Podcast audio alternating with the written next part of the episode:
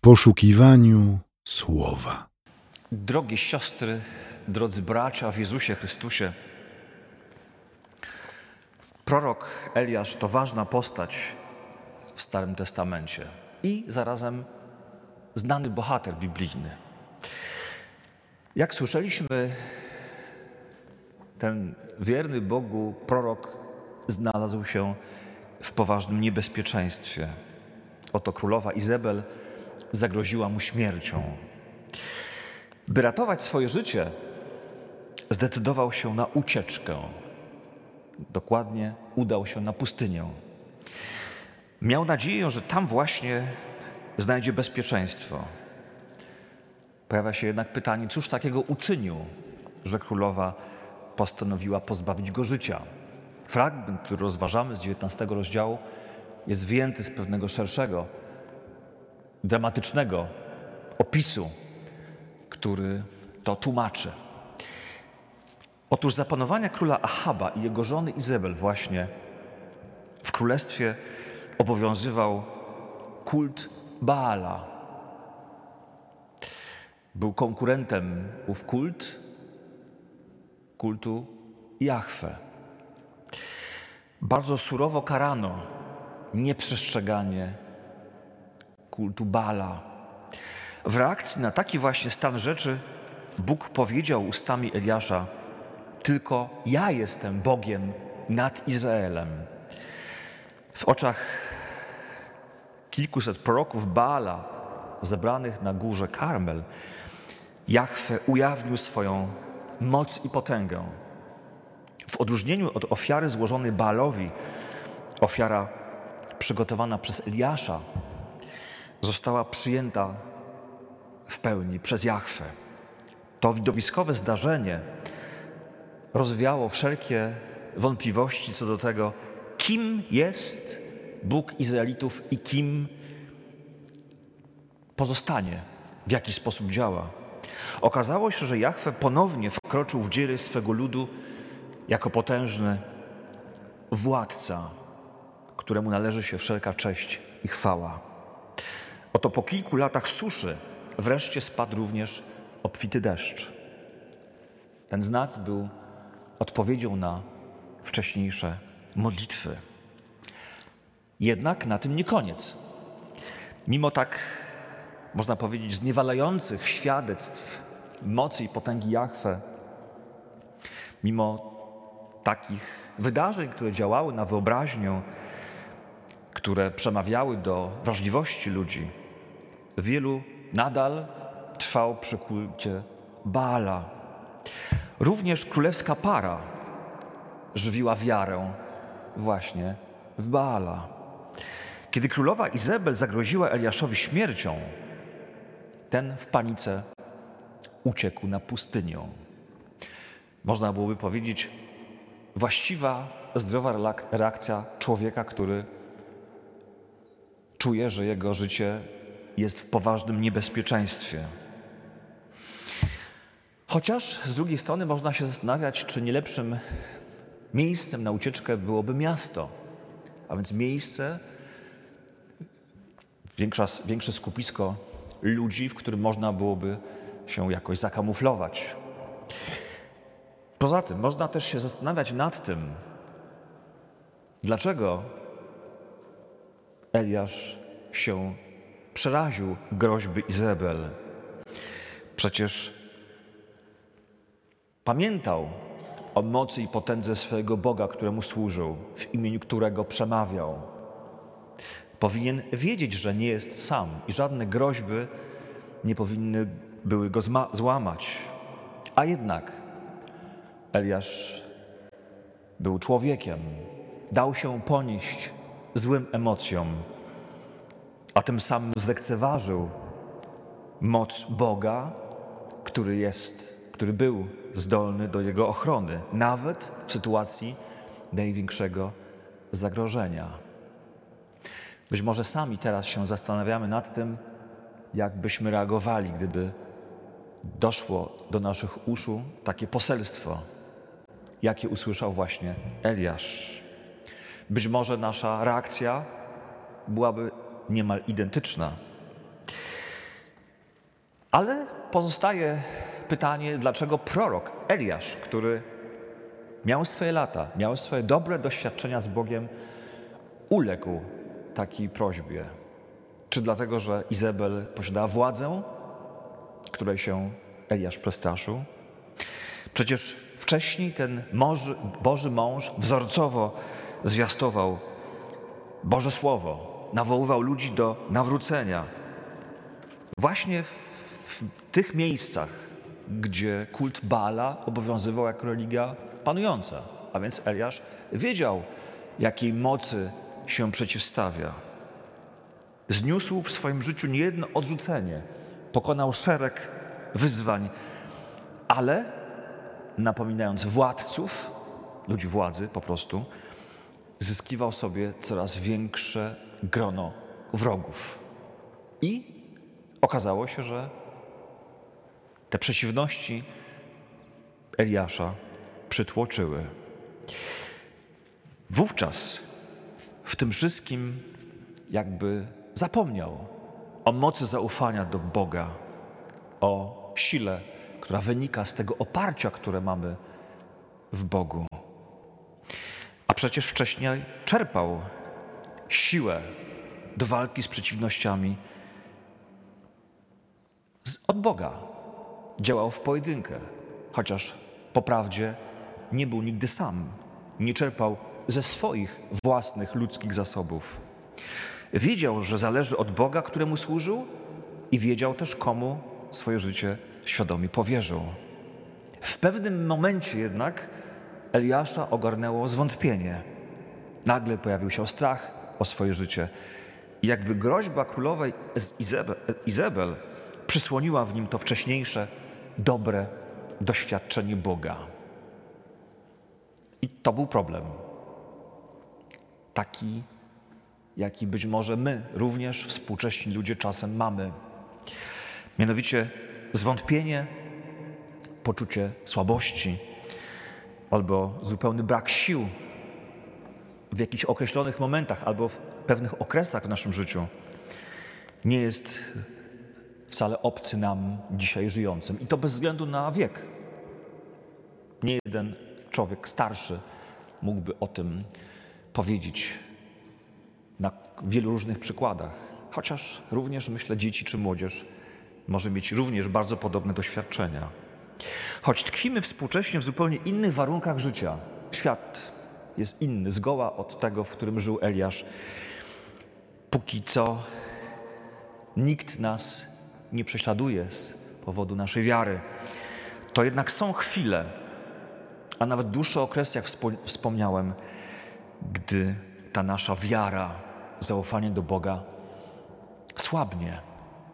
To jest bardzo ludzkie doświadczenie, chociaż bardzo trudne. Ta wiara czasem może zupełnie zgasnąć. Eliasz, słyszeliśmy, usiadłszy pod krzakiem Janowca, życzył sobie śmierci. Pamiętamy te przejmujące słowa. Dosyć, Panie, odbierz mi życie. Być może ktoś spośród nas również w pewnym momencie swego życia modlił się tymi słowami, mając już wszystkiego dosyć. Być może te słowa czasem faktycznie dochodzą do naszego, dochodzą w nas do głosu w nieco łagodniejszej formie. Czy naprawdę ktoś potrafiłby zaprzeczyć, że nikomu z nas zwątpienie, choćby takie chwilowe, nie zajrzało w oczy? Czyja wiara, choćby na moment, nie straciła swojej karowności? Są i tacy, których wiara zupełnie się załamała. Być może znamy takie osoby, które były dla nas świadectwem ludzi wierzących, takim powiedzielibyśmy nawet kolokwialnie, zachęceniem do tego, by również naśladować Jezusa, a jednak pod wpływem złych doświadczeń wiarę straciły. Może są takie osoby wśród naszych znajomych, może mamy kogoś takiego w rodzinie. Samo życie, można powiedzieć. Zwróćmy uwagę na jedną bardzo ważną rzecz, myślę. Otóż Bóg nie pozostawił Eliasza bez pomocy. Mimo, że w swoim smutku, w swojej rezygnacji, można byłoby powiedzieć również innym językiem, współczesnym, psychologicznym, w depresji, położył się i zasnął. To jednak właśnie w tym trudnym położeniu, w tej, można powiedzieć, nocy, której doświadczył Eliasz, przyszedł do niego Boży posłaniec, anioł i powiedział: Wstań i posil się. To są bardzo dobre rady, również cenne dla nas, współczesnych ludzi. Mianowicie, bez odpoczynku, bez dobrego,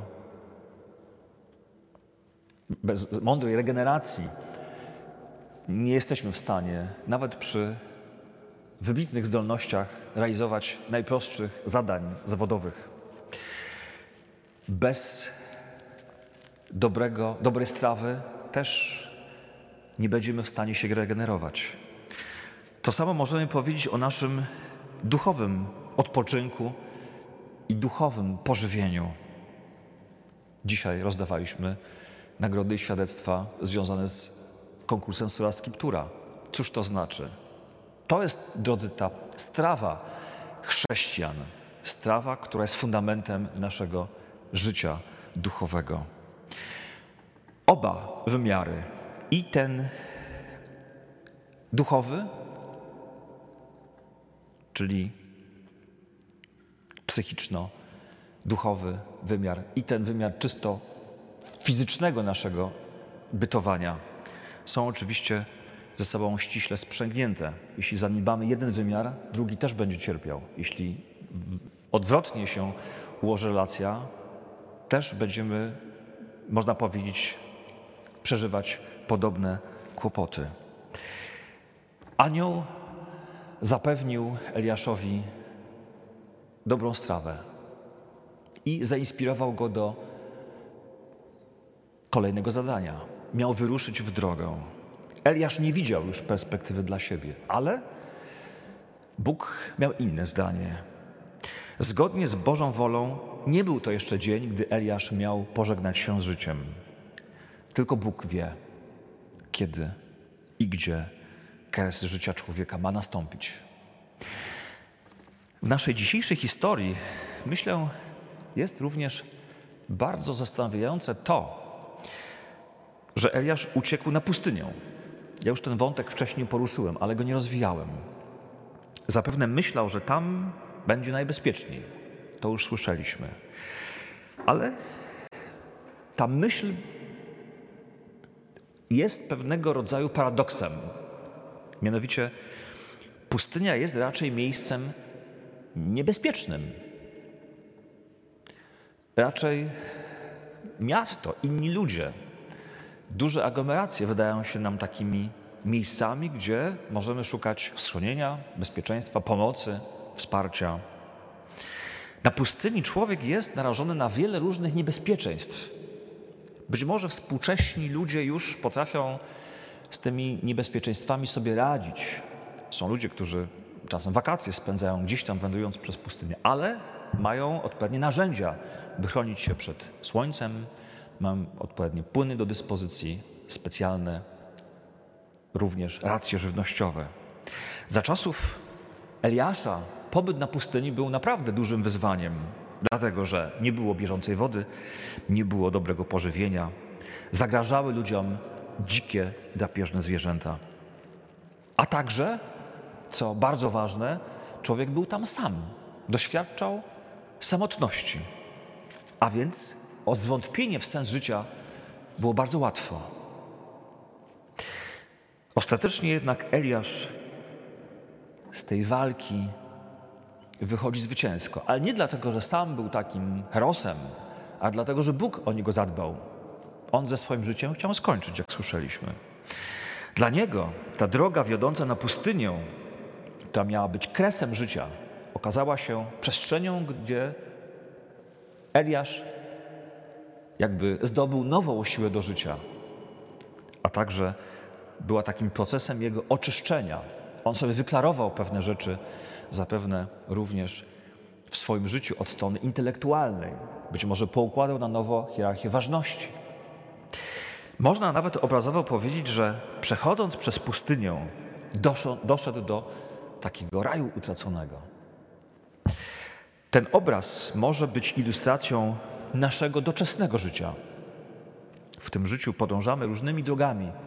Nieraz są one kręte i bywają czasem bardzo niebezpieczne. Nieraz reflektujemy się i zdajemy sobie sprawę z tych niebezpieczeństw post factum. Kiedy bierzemy udział w takich czy innych przedsięwzięciach, nie mamy do końca świadomości, co nam de facto zagraża. Ale to właśnie poprzez takie doświadczenia, po przejściu takich doświadczeń dokładnie, otwiera się przed nami doświadczenie Boga, który przynosi, które przynosi ocalenie i ratunek. Bo wcześniej można byłoby powątpiewać co do dobrych intencji tego Boga, co do Jego łaskawości, miłosierdzia, dobroci. Niby wiemy wiele rzeczy, dlatego że jesteśmy w ten sposób edukowani, ale widzieć o tym czysto intelektualnie, a przejść przez pewne doświadczenia życiowe i mieć taką egzystencjalną wiedzę, to zupełnie inny świat. I takie doświadczenie stało się udziałem Eliasza właśnie. Ta żmudna wędrówka ostatecznie doprowadziła go do raju, tak bym powiedział, który na tej pustyni, jakby poprzez doświadczenie Boga, został przed Eliaszem otwarty.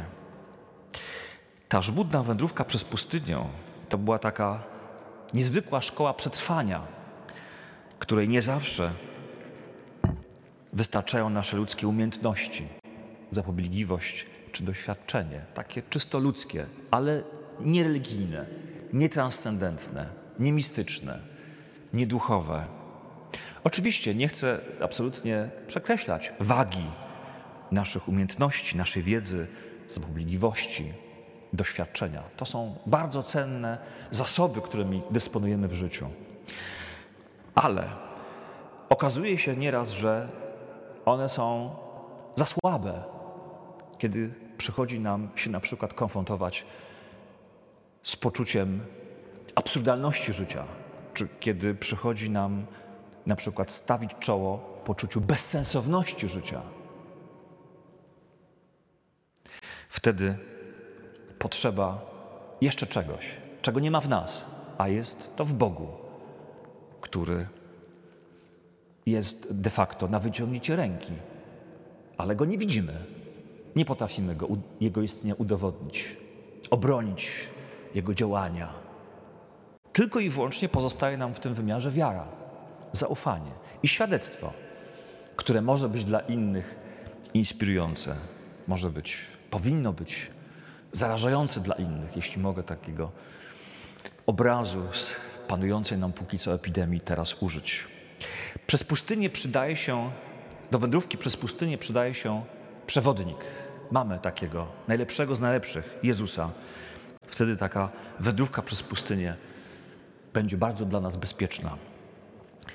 Drodzy, jest jeszcze jedna bardzo ważna postać w Starym Testamencie, która miała do czynienia z pustynią. Chodzi mi o osobę proroka Izajasza. W pewnym momencie, w 32 rozdziale swojej księgi powiedział: Zostanie wylany na was duch z wysokości. Wtedy pustynia stanie się sadem, a las, a sad za las będzie uważany. Tak, drodzy, z naszego chrześcijańskiego punktu widzenia to proroctwo Starego Testamentu wypełniło się do joty. Bóg posłał swojego Syna, Jezusa, który został przez ludzi życia pozbawiony. To, czego nie udało się Izabel w przypadku Eliasza, to współcześni Jezusowi wykonali na Jezusie.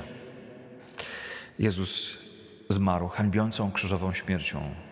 A wcześniej pamiętamy niezwykłą historię z Ewangelii mówiącą o pobycie Jezusa na pustyni, który to pobyt trwał aż 40 dni i nocy. Tam Jezus nie odpoczywał wcale. Mocował się z siłami zła. destrukcji i śmierci. Pamiętamy rozmowy z szatanem, który trzykrotnie próbuje Jezusa kusić. Za każdym razem Jezus wychodzi obronną ręką z tych tarapatów. Pamiętamy tę, pamiętamy tę sytuację, gdy szatan posługiwał się cytatami biblijnymi. A więc zło jest bardzo perfidne pod każdym względem. Czasem ubiera się w dobro. W ciągu 40 dni Jezus w pełni doświadczył tego, czego Izraelici doświadczali przez 40 lat swojej wędrówki przez pustynię. Zwycięstwo Jezusa otwarło ludziom wierzącym dostęp do utraconego raju. Zarówno chodzi mi tu o trwałą więź z Bogiem, kiedy żyjemy swoim życiem w tym doczesnym świecie, a także myślę o tym wymiarze życia wiecznego, który dotykamy nadzieją. To tak jak Bóg nie opuścił Eliasza w czasie słabości, zwątpienia, cierpienia, poczucia bezsensowności życia, tak samo nas nie opuści nigdy. Nigdy. To jest Boże Słowo. My często różne obietnice słowa łamiemy. Bóg nie. Na tym polega różnica między nami a Nim. Na tej biblijnej prawdzie, drodzy, możemy polegać w każdych okolicznościach życia. Gwarantem tej prawdy jest oczywiście Jezus, nasz żyjący, ukrzyżowany i zmartwychwstały Pan. Jemu niech będzie chwała i cześć po wszystkie wieki wieków. Amen. Przyjmijcie, drodzy, życzenie pokoju. A pokój Boży, który przewyższa wszelki rozum, ten niechaj strzeże naszych myśli i serc w Jezusie Chrystusie, naszym żyjącym i działającym Panu i Zbawicielu naszym. Amen. Więcej materiałów na www.trójcawaw.pl